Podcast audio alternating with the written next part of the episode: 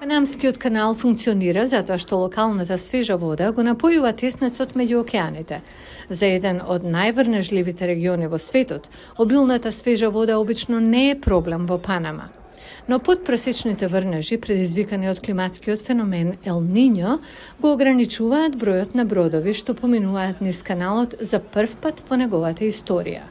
Метеорологот Глорија Роча вели дека преминувањата биле намалени од 36 дневно во август минатата година на 22 во ноември. November had a deficit, but it was not as bad as we thought. Ноември имавме дефицит, но не беше толку лош како што очекувавме. Го зголемивме транзитот дневно на 24 во јануари. Мора да почекаме до април-мај и првите врнежи пред да одлучиме дали ќе менуваме нешто. Властите проценуваат дека ниското ниво на вода, што се одразува врз бродскиот сообраќај, може да ја чини Панама и до 200 милиони долари загубен приход во споредба со предходната година. Тоа се чувствува и на локално ниво. Реј Санчес поседува продавница за опрема за нуркање на Карибите.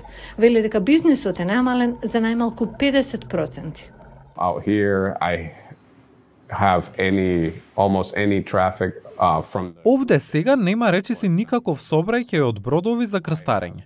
Може би еден или двајца луѓе кои ќе ме контактираат за нуркачки цели. Порано имаше 3 до 4 пати годишно групи луѓе кои доаѓаат да нуркаат.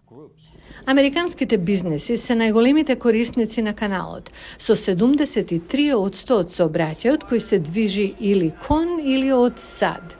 Вашингтон тесно соработува со панамските власти за да помогне, наведува советничката во амбасадата на САД за економски прашања Вики Лимеј.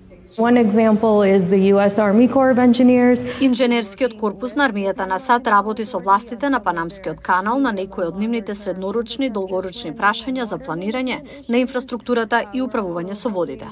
Помагаме да се најдат начини да се привлечат повеќе американски инвестиции во каналот и во Панама. Се надевам дека ќе поттикнеме вид на иновации и инвестиции во нова технологија што ќе помогне да се ублажат ефектите од климатските промени. Властите на каналот планираат нов резервоар за одржување на нивото на водата барем до 2075 година, вели заменичката директорка на Панамскиот канал Илја Марота. We'll definitely continue looking at other options, other alternatives. Дефинитивно ќе продолжиме да разгледуваме други опции со алтернативи за заштеда на вода, бидејќи мораме да останеме витална рута за бродовите. Панамскиот канал докажа колку е важен повеќе од 100 години и гледаме дека оваа година нашите клиенти продолжуваат да поминуваат од овде. Едноставно немаме доволно капацитет. Како дел од враќањето кон целосниот капацитет, властите во Панама оваа година назначија за прв пат директор за одржливост и развој на Панамскиот канал за да изготви подржлива стратегија за справување со климатските промени и да ги направи операциите на каналот целосно еколошки и ослободени од штетното загадување до 2030 година.